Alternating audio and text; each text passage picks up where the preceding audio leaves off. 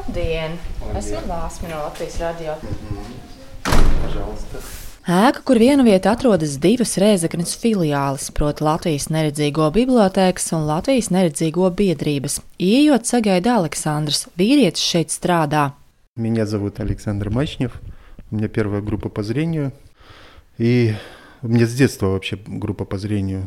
Aleksandram ir pirmās grupas invaliditāte. Redzes problēmas ir kopš bērnības. Agrāk redzējis labāk, taču ar laiku redze pasliktinājusies vēl vairāk. Šobrīd viens pielu nespēja pārvietoties. Nevienu vašas glāzes. Nu, Es neredzu jūsu acis, es saprotu, ka šeit ir mikrofons, ja tas ir mikrofons. Es neredzu krāsas, nezinu ne baltu, ne melnu. Bet no bērnības ir attīstījusies atmiņa, kas palīdz labāk orientēties un iegaumēt lietas. Vīrietis šeit palīdz atnākušajiem darboties trenažieru zālē. Kā pats saka, morāli atbalsta, Pašam Aleksandram darbs tā ir kustība, jo ir mērķis doties ārā no mājas. Aleksandrs turpina stāstīt par kultūras iespējām viņa dzīvē. Kad man bija otrā grupa, es vēl varēju iet uz kinoteātri. Parasti sēdēju pirmajā rindā, piemēram, mūsu gorā. Man jāsēž pirmajā rindā, man vajag, lai ekrāns ir tieši pie sejas.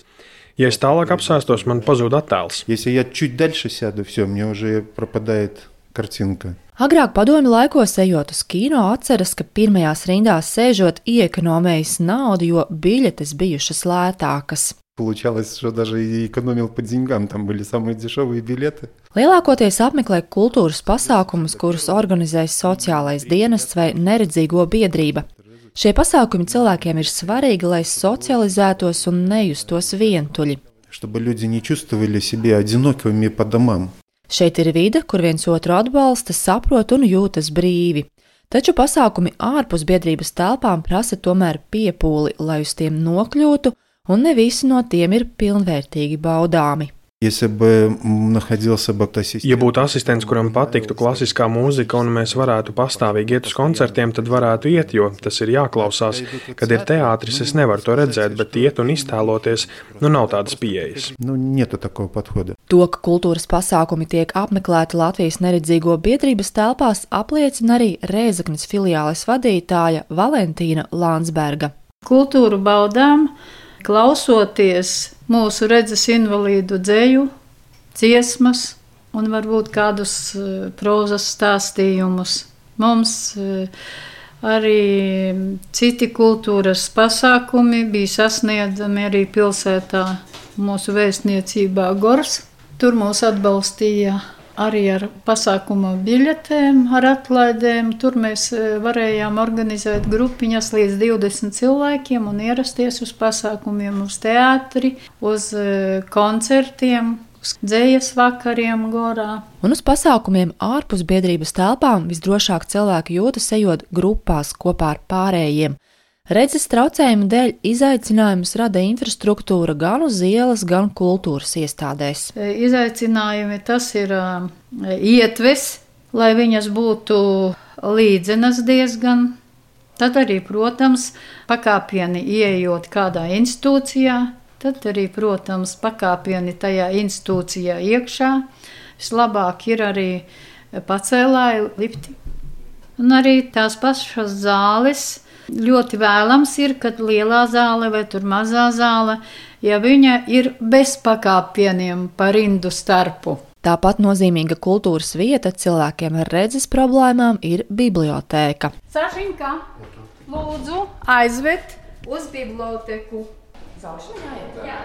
Aleksandrs pavada uz otro stāvu, kur atrodas Latvijas neredzīgo bibliotēkas Rēzeknes filiāle. Labdien! Es drīkstu!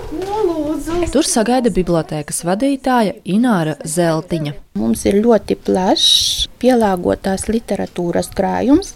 Mums ir pāri par 2000 audio grāmatu kompaktdiskos, pāri par 2,5 tūkstoši digitālo audio grāmatu. Mums ir arī grāmatas palielinātajā drukā, arī braila rakstā. Patreiz, protams, klātienē mēs strādājam zaļajā režīmā, klātienē apkalpojam lasītājus ar eh, vakcinācijas vai eh, covid-19 pārslimošanas certifikātiem. bet bez kontakta apkalpošanā mēs mainām un izsniedzam grāmatas visiem lietotājiem. Taču šis laiks rada grūtības cilvēkiem ar redzes traucējumiem pielāgoties attālinātajiem pakalpojumiem. Daļai nav nemaz datora vai nemāk ar to rīkoties, lai, piemēram, klausītos audio grāmatas internetā. Mišela Obama Izaugt. Šī, piemēram, ir viena no audio grāmatām. Kad biju maza, mani sapņi bija vienkārši. Man gribējās suni. Es sapņoju par divstāvu māju ar trepēm uz augšstāvu, kur viena ģimene apdzīvotu abus stāvus. Nes kāpēc ilgojos pēc džipa ar četrām durvīm pretstatā mūsu divu durvju buikam, kas bija tēva atsrauks. Jāteic, bibliotekā pirms pandēmijas notika arī dažādi pasākumi. Bibliotekai telpas nav lielas, tāpēc gribētāji tos apmeklēt bijis pat vairāk nekā telpas platība ļāvusi visus uzņemt. Dažus pasākumus nācās rīkot pat atkārtoti.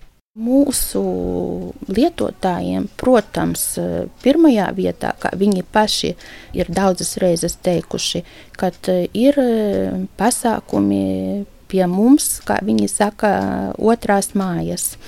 Kad viņi jūtas šeit lieliski, visu pazīst gan vidi, gan cilvēkus, brīvi jūtas, paši uzstājas, vienmēr tiek iesaistīti pasākumos. Mēs arī organizējam kolektīvus gājienus gan uz Latvijas kultūra vēstures muzeju, gan uz Goru, gan uh, gājām ekskursijās uz uh, sinagogu iepazīt. Savos pasākumos mēs arī cenšamies pakomentēt, uh, visu paskaidrot, kā iekārtota telpa, lai neredzīgs cilvēks zina pasākumā vizuālo visu noformējumu un kas ir ieradies. Citreiz palūdz arī pateikt, kas sēž blakus.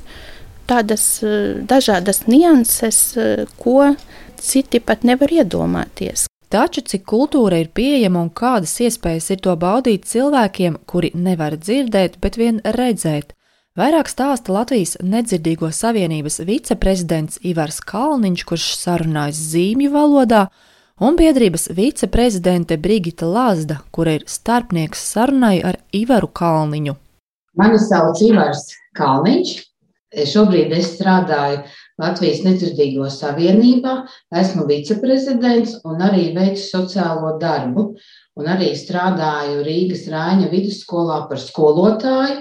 Esmu nedzirdīgo klašu audzinātājs. Ivars Kalniņš turpina stāstīt par kultūras pieejamību cilvēkiem, kuri ir nedzirdīgi. Kultūra ir tāda nozare, vissliktāk pieejama tieši nedzirdīgiem cilvēkiem, tāpēc, kad daudz kur ir eh, barjeras, nav iespēju kultūra nedzirdīgajiem. Vienīgais, kur mēs varam aiziet, uz kino, jo visas filmas ir titrētas. Uz teātri aiziet mēs nevaram. Vienīgais ir krievu drāmas teātrī ir subtitri, un arī Nacionālajā operā, ja dzied eh, kādā citā valodā, tad arī ir subtitri. Bet eh, viņi saka, skaņu valodā, ja, piemēram, nekas nav tulkots, titru nav, tas ir nepieejams. Tur, protams, jāskatās, kādas tās kultūras nozares ir. Šogad tieši sāk visi pamosties, sāk domāt par šo pieejamību kultūras jomā nedzirdīgiem cilvēkiem, arī attiecībā uz tulku, un šīs iespējas varbūt pavērsies plašākas. Televīzijas pārraidēs surdatulks vai arī titri, kas palīdz labāk uztvert informāciju arī dzirdīgajiem, ir tas, kas padara informāciju un arī kultūras notikumus pieejamus cilvēkiem ar dzirdes traucējumiem. Ivar, jautājums jums, sakiet, Kā jūs personīgi baudāt kultūru? Es nedzirdīgiem skolēniem mācu literatūras stundu. Ja? Bez kultūras es nevaru iztikt. Es arī ļoti daudz lasu, bet, diemžēl, daudzi nedzirdīgie ar grāmatu ir uz jūs. Tāpēc, kad uh, nedzirdīgam dzimtā valoda ir zīmju valoda, tas ir zīmes.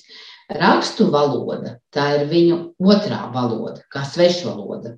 Un es pats eju uz teātri, cenšos biļetes nopirkt tuvāk skatuvei, lai es varētu izjust skaņas vibrācijas, lai es varētu izjust to skaņu ritmu, to paaugstinātās un zemākās skaņas, redzēt, kas notiek uz skatuves, izlasīt titrus un, teiksim, aktierus, emocijas nolasīt no viņu sejām. Jautāju, vai cilvēkiem zinot, ka kultūras pieejamība rada sarežģījumus, Vai tas nedzirdīgos cilvēkus nebiedē tos apmeklēt?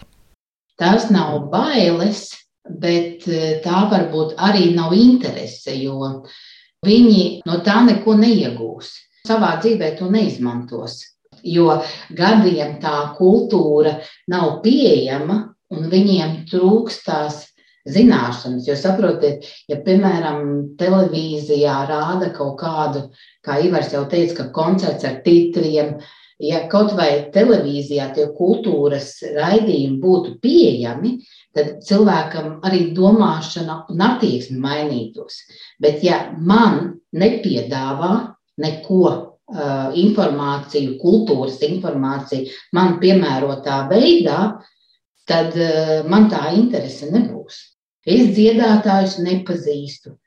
Kur man to interesi atrast? Ja man nav informācija pieejama man saprotamā veidā. Tas nozīmē, ka ir tā sajūta, ka tas nav priekš manis, tas nav priekš mums. Tā ir cita pasaule. Jā, tieši tā. Tieši tā. Brigita Lāsda kopā ar nedzirdīgo pasauli ir kopš dzimšanas, un viņa atzīst, ka līdz šim ir bijis daudz citu lietu, kas jārisina, lai nedzirdīgiem cilvēkiem uzlabotu dzīves kvalitāti. Tādēļ kultūras pieejamības jautājums ir palicis otrajā plānā. Mēs varbūt arī paši neesam tik ļoti uzstājīgi bijuši. Mums ir citas jomas, kas ir daudz svarīgākas. Tulka informācijas pieejamība. Tur ir ļoti daudzi gadi atdoti, lai par šo jomu cīnītos. Ja tajās jomās kaut cik ir sakārtots, tad kultūras joma ir tādā pabērna lomā, bet eh, mēs arī šogad, eh, pateicoties eh, nedzirdīgo nedēļas pasākumiem, arī sākām celt šo jautājumu tieši par kultūras pieejamību nedzirdīgiem cilvēkiem un domājam strādāt ar vien plašāk, sabiedrību informēt, arī parādīt, kas mēs esam, kādi mēs esam ko mēs gribam baudīt jo mēs gribam būt vienādi sabiedrībā, ne atšķirīgi. Un jo vairāk cilvēkus, kuriem dzīve ir citādāk iepazīst, jo labāk veidojas izpratne par otra pasauli un vajadzībām. Jāteic, pamazām arī sabiedrība kļūstot atvērtāka. Lāsma Zutvītola Latvijas radio studija Latgalē.